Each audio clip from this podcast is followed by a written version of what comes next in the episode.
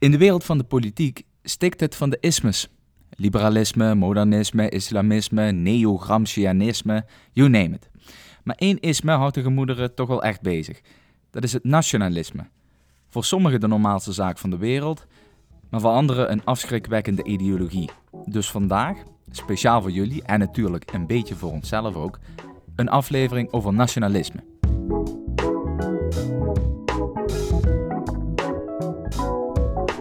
Dit is Met een Korreltje Zuid. In deze podcast nemen we je wekelijks mee naar internationale obscuriteiten en geopolitieke uithoeken. Ongezouten, maar met smaak.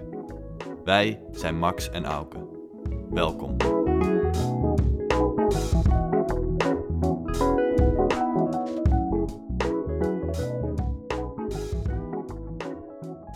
Dat zeg je mooi, die verschillende ismes. Wist je dat ik eh, toen ik studeerde in Nijmegen, deed ik daar politicologie. En de studentenvereniging voor die eh, knullen en meiden, die eh, heet Ismes. Dat is natuurlijk een leuke knipoog naar alle... Ja, je noemt er net al, ja, je noemde er net al een paar. Er zijn natuurlijk honderden. Ja. Ja. En dan natuurlijk ook nog alle neo-versies ervan en alle klassieke versies ja. ervan. Ja, ja, precies. Ismes te over. Ja. Maar goed, in, de, in dat kader moet jij natuurlijk wel iets kwijt kunnen over nationalisme, zou ik zeggen. Tenminste, ik ga ervan uit dat jij hè, op je opleiding politicologie wel eens gebabbeld hebt over nationalisme. Dat is wel te hopen, ja. Ja, ja, ja. Nationalisme is natuurlijk wel een... Um, het is eigenlijk een soort paraplu-term, hè, dat het veel omslaat. Maar in principe is de term of de ideologie nationalisme vrij eenvoudig te begrijpen. Het is namelijk een voorliefde voor jouw vaderland en waarbij je dan ook stelt dat jouw club, jouw land, toch wel beter is dan alle andere landen. Uh, mm -hmm, ja, mm -hmm. dat, dat is toch wel een beetje de term van nationalisme. Ja. En wat is dan het verschil met patriotisme? Ja, patriotisme valt dus onder die, die, die paraplu-term. En patriotisme is eigenlijk gewoon een soort nationalisme light. Dus uh, je, je, hebt wel een voorliefde voor je vaderland. Je vindt Nederland hartstikke top. Maar het is nou niet dat je denkt dat Nederlanders echt inherent beter zijn dan Duitsers, Fransen. Uh, je vindt jezelf niet beter dan de rest. Kijk, we vinden natuurlijk tijdens het WK voetbal vinden we natuurlijk uh, is Iniesta een, gewoon een klootzak. Maar het is nou niet dat je echt gelooft dat je, dat, dat je als Nederlander een, ja, een hoger wezen bent dan een Spanjaard. Maar dan is in principe toch de hele wereld patriot. Nou ja, um, er zijn natuurlijk genoeg voorbeelden te noemen van mensen die zich wel beter vonden dan anderen. Ja, Zoals daar zijn. Ja, denk aan de hele Tweede Wereldoorlog, waar de, de, de, de, de, de Joden werden toch als inferieur beschouwd door de uh, nazi's. Of kijk naar uh, wat er gebeurd is in, in Joegoslavië, in Srebrenica. Ja, maar ja. dan komen we meteen op een, op een hellend vlak terecht. Want ik denk dat er nu, ik denk dat er zeker mensen zijn die naar deze podcast luisteren en zichzelf identificeren als zijnde een nationalist. Mm -hmm. Met andere woorden, dat ze Nederland hoger in het vaandel hebben dan uh, andere landen. Mm -hmm. Maar dat zij dus moeite hebben met het feit dat jij nu als voorbeeld uh, meteen een fascist neemt of een nationaal socialist. Ja, ja, ja, ja. Net, ja. Dat moet, het is dan weer net anders. Ja, Nee, het, uh, goed punt. Want het is inderdaad niet zo dat nationalisme per se een rechts ding is. Uh, want je hebt bijvoorbeeld uh, de nationaal, het nationaal bolsjewisme. Dus de bolsjewieken in Rusland. Dat, is, dat was ook een vorm van nationalisme. Maar die, kna die knapen waren hartstikke links. Um, mm -hmm. Maar het, ik denk wel dat je kan stellen dat nationalisme toch een soort van uh, morele haken en ogen heeft. En dan, dan noem nou, ik met name uh, het feit dat je jezelf als beter beschouwt dan de rest. Ik, ik, ik, weet niet of ik het helemaal eens ben met die duiding van nationalisme. Want het kan ook zo zijn dat je je niet per se beter voelt in een soort morele zin, maar dat je je eigen volk uh, in de politieke en politiek-economische zin altijd voorrang geeft. Snap je wat ik bedoel? Mm -hmm. Dan hoef je je niet per se beter te voelen. Uh, je geeft gewoon iemand uh, voorrang. Ja. Of, of is, dit een wrange, is dit een wrange uitleg van wat nationalisme zou kunnen nee, zijn? Nee, nee, zeker niet. Kijk, ja, in principe is nationalisme gewoon een hele brede term. En wat jij omschrijft valt daar dan denk ik wel onder, ja. Maar ik zou dan eerder ernaar streven om een patriotist te zijn. Da, da, daar is denk ik ook... Dat Iniesta maar op één dag per jaar een klootzak is. ja, precies. Ja. ja, daar is denk ik niks mis mee. Want uh, ja, er is natuurlijk een heel breed scala. Hè, van aan de ene kant één keer in de, in de vier jaar een oranje shirt aantrekken. En dan met een Nederlandse vlag uh, wapperen. En heel trots voelen bij het Nederlands elftal. En aan de andere kant van dat scala zit uh, het afslachten van 6000 moslimmannen in Srebrenica. Omdat, je, omdat, je, omdat het geen echte Serven zijn. Of Bosniërs. Oké. Okay. Um, okay. Is het zo, dat, ja, nog even een vraag hoor, want jij zat daar natuurlijk in Nijmegen bij Ismus, maar was daar ruimte voor uh, nationalisme? Um, ja, jawel, tuurlijk, zeker. De, het is, kijk, als je politieke studeert, dan, nou, aan het begin van het studiejaar, bij, dan komen die eerstejaars uh, kinderen net uit het VWO gerold. Uh, en dan, dan zitten er altijd mensen tussen die het heel die denken dat ze het eigenlijk allemaal al weten. En die gaan dan heel mhm. provocerend heel erg communistische dingen roepen. Of juist heel erg... Uh, dat was jij? Ja, was nee, echt, nee, uh, nee. was zo'n... zo'n nee, nee. Uh, of heel, ja, dus dan is er aan het begin van zo'n jaar altijd heel veel debat tussen mensen die heel communistisch zijn of mensen die juist heel nationalistisch zijn. Ehm, maar uiteindelijk levelt dat dan uiteindelijk wel een beetje, het vlakt wel een beetje af, zeg maar. Mensen gaan wat boeken lezen en wonen wat colleges uiteindelijk bij. allemaal D66. Ja, uiteindelijk stemmen we, stemmen we allemaal D66. Nee, nee, nee. Er zaten jongens bij die... Uh, ik heb geen PVV'ers ontmoet, maar wel uh, eh, FVD'ers, SP'ers. Uh, ja, eigenlijk alles zat er wel bij.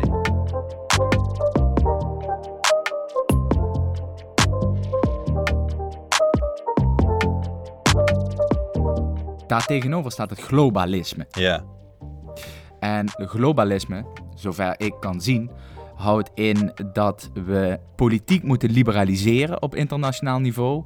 En uh, de internationale markt moeten uitbreiden en ook liberaliseren. Mm Dus om steeds meer, meer mensen in hetzelfde systeem te vatten. Mhm. En aanhangers van de nazistaat, van het principe van de nazistaat, die zijn daar toch wat conservatiever in. Die zijn daar wat orthodoxer in. Die zeggen, je kunt een systeem eigenlijk alleen maar hoog houden als dat bestaat uit afzonderlijke, soevereine onderdelen, units. Ja. Want anders dan wordt het, uh, ja, dan worden we over 500 jaar van die, uh, van, van die, van die mokka-kleurige uh, rijstvreters met zes vrije dagen per week. Dat, uh, dan, wordt het dan wordt het te erg een melange en dat gaat, dat gaat niet goed. Oké, ja. Heel de bocht dit weer hoor. Maar... Wel een goeie. Um, ja. uh, nou ja, kijk, in, in, ik denk inderdaad, je ziet natuurlijk in de laatste pak en beet 20 jaar een, een, een opkomst van nationalisme in eigenlijk de hele westerse wereld. in Nederland PVV, FVD, Front National in Frankrijk. Uh, nou, Trump is natuurlijk ook een voorbeeld daarvan. En ik denk dat dat wel te verklaren is aan de hand van het globalisme waar we ook al pak en beet 20, 30 jaar uh, mee bezig zijn. Dus het, is natuurlijk, het zijn twee totaal tegenoverstaande ideologieën. Waarbij hij het globalisme natuurlijk zo min mogelijk landsgrenzen wilt kennen. En je bent een burger van de wereld. En uh, Met ge geïntegreerde rechtssystemen en, en, ja. en goedlopende wereldeconomie, et cetera. Precies. En ik denk dat juist omdat dat zulke tegenstaande theorieën zijn, je, je dus eigenlijk allebei een opleving ziet. Dus, dus eigenlijk is dat nationalisme wat weer opkomt, uh, misschien wel een soort ja, rebelse tegenslag tegen dat globalisme. Mm -hmm. Want als we even kijken, eh, als we kijken naar de Nederlandse politiek, de FVD is uh, een club die vaak met uh, echt de letterlijke termen nazistaat en mm -hmm. globalisme en conservatisme gooien. Ja. Volgens mij heeft Thierry Baudet ook een boek geschreven, De aanval op de nazistaat. Wat dus in principe betekent een stuk land waar een relatief permanente bevolking op woont, die meent dat ze een gemeenschappelijke heritage hebben, een gemeenschappelijke, laten we zeggen, culturele achtergrond. Um, dat die dus wordt aangevallen door onder andere, naar ik aanneem, globalisten. Ja. Ja, en dat, dat, gedachtegoed is blijkbaar, tenminste eh, als ik de peilingen moet geloven, maar jongens en meisjes, peilingen zijn palingen, dus daar heb je niet zo heel veel aan. Maar goed, we gaan het toch hier nu over die peilingen hebben, dan doen zij het goed. En dat zal te maken hebben met een conservatieve houding ten Mhm. opzichte van eh, de geopolitiek, waarin Ja. dus de natiestaat eh een belangrijk gegeven is. Ja. Probeer dan eens te verklaren, wat, wat, waar zit hem dat in? In Nederland, waar het allemaal goed gaat, Mhm. een land dat profiteert van de wereldhandel. Nou, ik denk dat dat in de basis te maken heeft met het, eh, het volgende. Namelijk dat wij gewoon van nature als mens zijnde eigenlijk een, een soort hiërarchie hebben in vertrouwensbanden. Eh, dus mensen hebben van nature het meeste vertrouwen in hun directe familie. Dat, dat, hè, je vader, je moeder, je broers en zussen. Eh, Mhm. De volgende is dan de, ja, de community waar je in woont. Je straat, je wijk, je stad. En daaronder dan nog het land. En ik denk dat je kan zien dat zo'n, dat zo'n FVD juist terug wil grijpen naar die lagere vertrouwensbanden. Want wij hebben dan in het, en dan zeg ik wij als westers-Europese mannen en vrouwen hebben in de afgelopen eh, decennia bedacht dat we het heel goed vinden om een, in de Europese Unie te gaan. Dus daar zitten we samen met Bulgaren en eh, Litouwers. Ehm, we willen zo min mogelijk handelsbarrières. Litouwers. Dat- is die Rotterdamse zanger. Litouwers. Litouwers, ja. Ja. En mensen, dus mensen verliezen langzaam maar zeker een beetje dat vertrouwen. En die willen weer teruggrijpen naar de, ja, niet naar de familie, maar eigenlijk naar die, naar die dichtere eh, vertrouwensbanden. En Ja, ik denk dat de FVD dat daar heel goed op inspeelt. Eh, Ja, dat denk ik ook. Want interessant dat je dit zegt, want ik heb dus een onderzoekje gezien.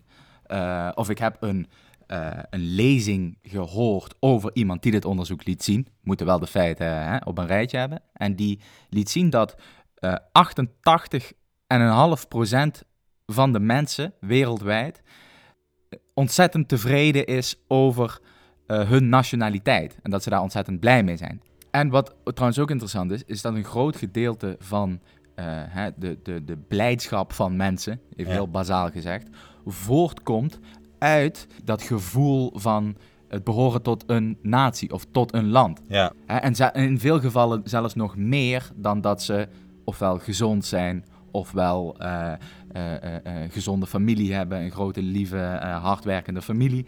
Nee, dus in heel veel landen is het onderdeel zijn van zo'n land ja. nog belangrijker dan dat. Dat kunnen wij ons in Nederland, want ik ga er even een beetje van uit dat Nederland hè, van nature of van oudsher en niet een super nationalistisch land is. nou, eh, Ehm, vinden we dat toch raar. Ik denk, ik denk dat dat niet helemaal waar is. Want als jij op vakantie. We, we denken altijd van onszelf dat we zo'n nuchter volkje en rationeel denkend volkje zijn. Maar als jij op vakantie gaat en je komt andere Nederlanders tegen, dan, dan is dat toch automatisch een soort klik. En ook als je dan naar, als je aan buitenlanders, zeg Amerikanen, uit moet gaan leggen eh, wat Nederland is, dan vinden mensen dat toch altijd wel heel leuk om te doen, merk ik. Dat, dat is wel dan meer patriotisme. Ja, En dus dat je het leuk vindt om dat uit te ja, leggen. ja, oké. Maar dat je wel je eigen natie ziet als gelijkwaardig aan, eh, ja, in ieder geval de Euro- andere Europese naties. Ja. Ik weet niet in hoeverre, ik denk wel dat we als Nederlanders onszelf eh, beter vinden dan bijvoorbeeld Zuid-Soedan.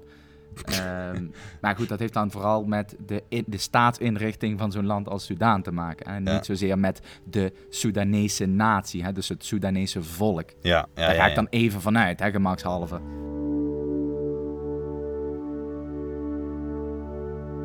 Toch moet ik zeggen dat ik dat nationalisme vaak niet helemaal begrijp. Zo was ik eh, een jaar geleden in, eh, op vakantie in Albanië. En ik denk dat Albanië misschien wel het meest nationalistische land van Europa is. Ehm, denk ik. Weet ik niet helemaal zeker. Ehm, in ieder geval, ze doen mee in de top. Want die vlag wappert overal. Die mensen zijn ongelooflijk trots op het feit dat ze Albanees zijn. Mhm, mhm. Maar, Max, ik liep, ik liep daar rond. en ik dacht, het hoor. ja.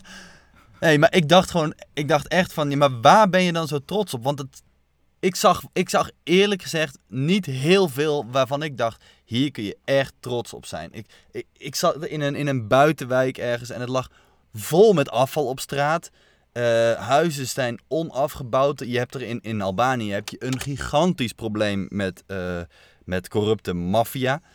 Mm -hmm mensen bouwen, dat is een truc trouwens die ze ook in Griekenland toepassen, is het niet afbouwen van je huis. Want dan hoef je er geen uh, belasting over te betalen. Dus dan laat je net uh, één funderingspaal eruit steken, zodat je, dan, ja, dan is het nog niet af, dus dan hoef je er geen belasting over te betalen. Dan denk ik, mm -hmm. hè? Als je dan toch zo'n nationalist bent, als je zo trots bent, betaal dan ook je belasting. Gooi dan ook niet je afval op straat. Die dingen gingen bij mij lineair, of ja, lijnrecht tegen elkaar in. Ik, ik begreep dat ja. niet. Ja, ik snap wat je bedoelt. Want als Nederlander zou je zeggen, ja, hey, uh, doe nou niet zo trots, want je betaalt ook niet... Uh, ja. Je betaalt zeg maar niet mee aan, aan maatschappelijke zaken. Want Mhm. dan heb je het over, wij als etnisch Albanese zijn ja, beter dan de, de, de, de Montenegrijnen of de Macedoniërs. Ja, maar kijk, dat, daar zijn heel veel landen, maar zeker landen in, eh, de, het, in het oosten van Europa, en dus ook het zuidoosten van Europa, zijn daar niet vies van. Ja. Nu moeten we onszelf niet te hard op de, op de borst kloppen, want ik denk dat er zeker ook etnisch-nationalistische elementen zitten in de Nederlandse politiek, laat ik het zo zeggen. Daar laten de meeste politici zich natuurlijk niet graag op betrappen, maar ik denk dat dat er absoluut wel in zit. Maar en pak bijvoorbeeld een land als Polen, waar we het twee weken geleden over hadden. Als we dat niet meer kunnen betitelen als etnisch nationalisten, hè, dan denk ik dat Ja. we de definitie van etnisch nationalisme moeten gaan eh, herzien. Ja, ja, ja, ja, ja. Maar ik vind dat dus, dat, nou, etnisch nationalisme vind ik een gevaarlijke ideologie. Kan tot vrij gevaarlijke Mhm. dingen leiden. Zeker in landen waar dan nog minderheden wonen. Maar los daarvan vind ik het ook een vrij lege ideologie.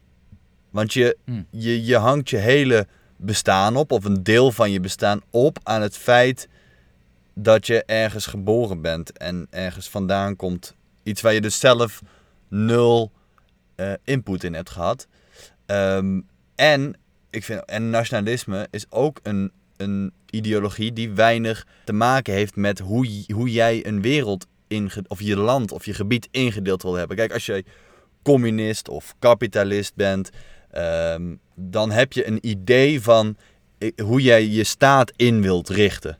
En dat, dat mis ik bij nationalisme. Dan gaat het eigenlijk alleen maar puur over wie jij bent en waar je vandaan komt, maar niet over waar Nou je naartoe je wilt. Kan, ja goed, ik denk als je daar een economisch label op moet plakken, laat ik het even zo zeggen, dan zit je al snel in de hoek van het, eh, het mercantilisme, heette dat eerst, maar dat is, eh, ja, dat, dat noemen ze nu het eh, protectionisme.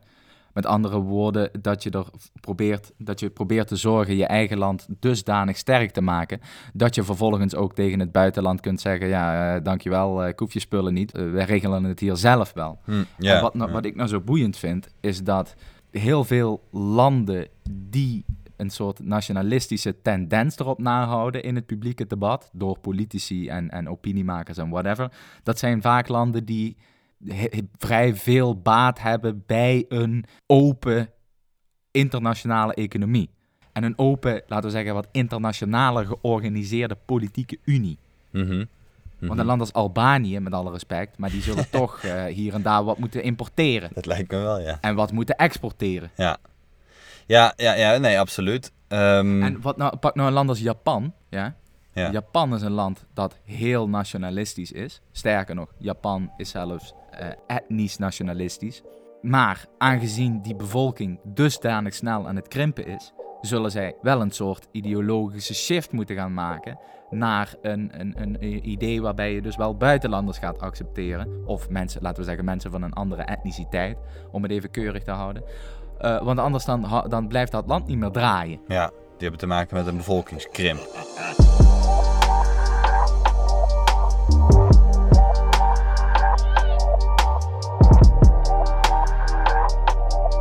Dan de volgende vraag, Max. Komt het nationalisme nou voort uit de natie? Of creëert het nationalisme zo'n natie om eigenlijk zichzelf daarmee te legitimeren? Zo, Pittig. je dacht, ik stel, eh, ik stel maar aan de vraag. Nou ja, ik denk dat het in de meeste gevallen een construct is. Volgens mij is dat het geval bij het Albanese nationalisme.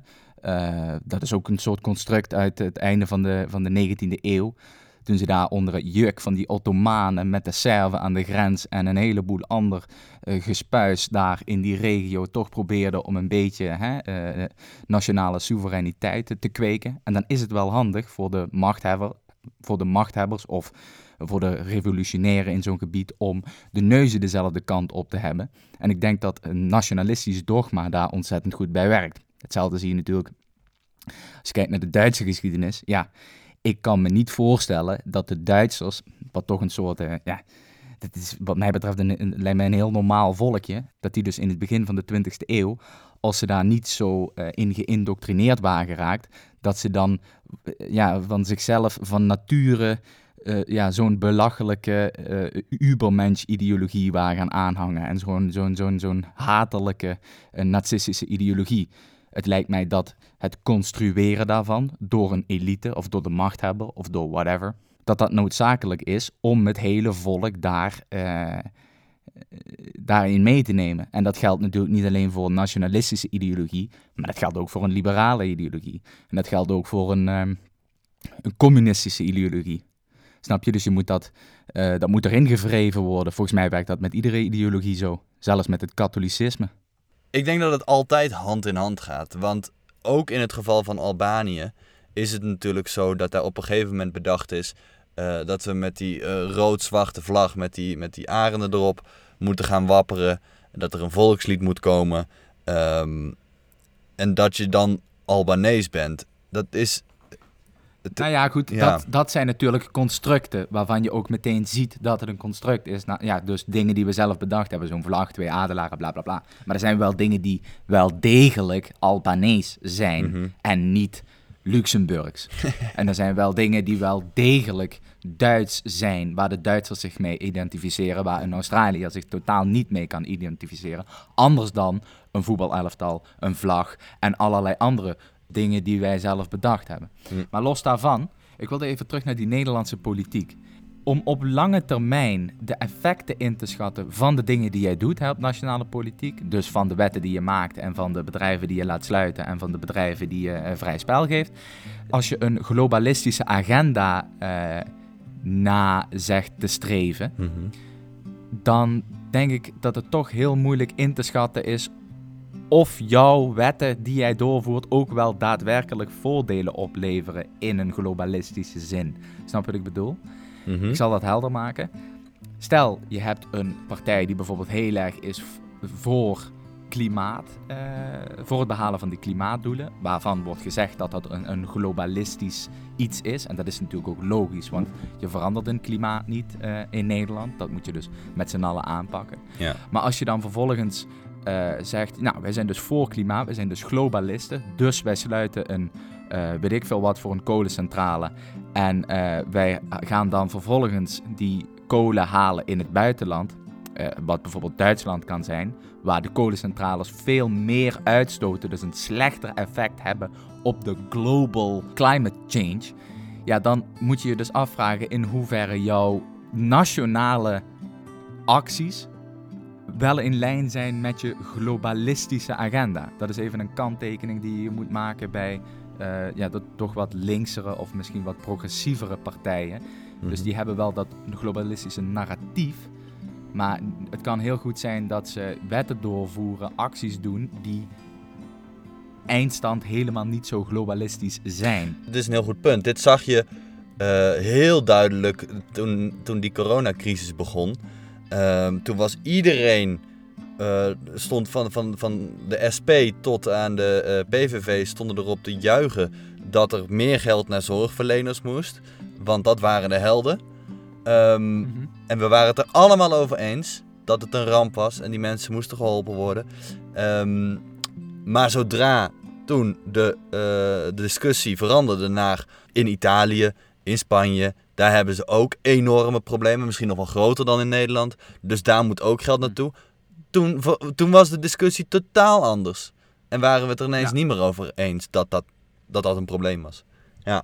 Hoewel, ik denk natuurlijk dat de progressievere partijen, en dan noem ik een D66, en eh, laten we zeggen GroenLinks, dat zij misschien wel eerder een voorstander zouden Ja. zijn van het financieel ondersteunen van Ja, ja. het buitenland. Ja, ja, maar ik bedoel meer dan... Toen zag je dat dus partijen die een iets wat nationalistischere eh, eh, standpunten innemen... Ja, dat kwam dan toen wel duidelijk naar voren. Die wilden Ja, absoluut precies, geen geld precies. daarheen. Kijk, zo'n coronacrisis, dat is natuurlijk eh, een perfect moment om eens even te peilen wat nou echt eh, de belangen zijn van die verschillende partijen. En dan, dan, ja, dan, dan, dan worden de, eh, dat, zo'n coronacrisis dat in zekere zin verbindt dat, maar eh, op heel veel gebieden polariseert dat natuurlijk ook. Mhm. Worden de verschillen duidelijker. En zeker als het aankomt op, op, op eh, het globalisme, nationalisme debat, ja, dan zie je gewoon dat, dat, dat iedereen gewoon stelling inneemt. Ja.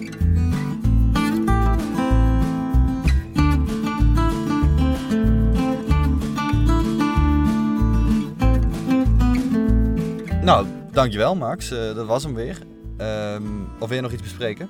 Eh, pop, pop, pop. Ja, trouw- waar ik me eh, wel aan stoor, dat is dat nationalisme altijd op één lijn wordt gezet met fascisme. Ja. En dat is natuurlijk, dat, dat is niet de bedoeling, zeg maar. Nee. Want fascisme is wel echt een, ja, zeg maar een, een hele, hele, hele, hele extreme vorm van nationalisme. Ja. Je moet nationalisme denk ik vooral blijven zien als een soort containerbegrip. Ja. Eh, ja, goed, het is natuurlijk wel een goor containertje wat mij betreft. Maar eh, ja, goed, daar zitten hoekjes in dat cont- containertje die zijn wat smeriger dan de andere. Ja. En eh, ik denk dat nationaal socialisme of fascisme, ik denk dat dat wel echt de, de, de ultieme Ja. goorheid is wat betreft politieke ideologie. Duidelijk. Volgende week zijn we er weer met een, eh, met een nieuwe. Dan eh, hopen we jullie weer te mogen ontvangen. Vergeet niet eh, te abonneren op Spotify. En check ons ook op Instagram, korreltjes uit. Tot volgende Yes. week.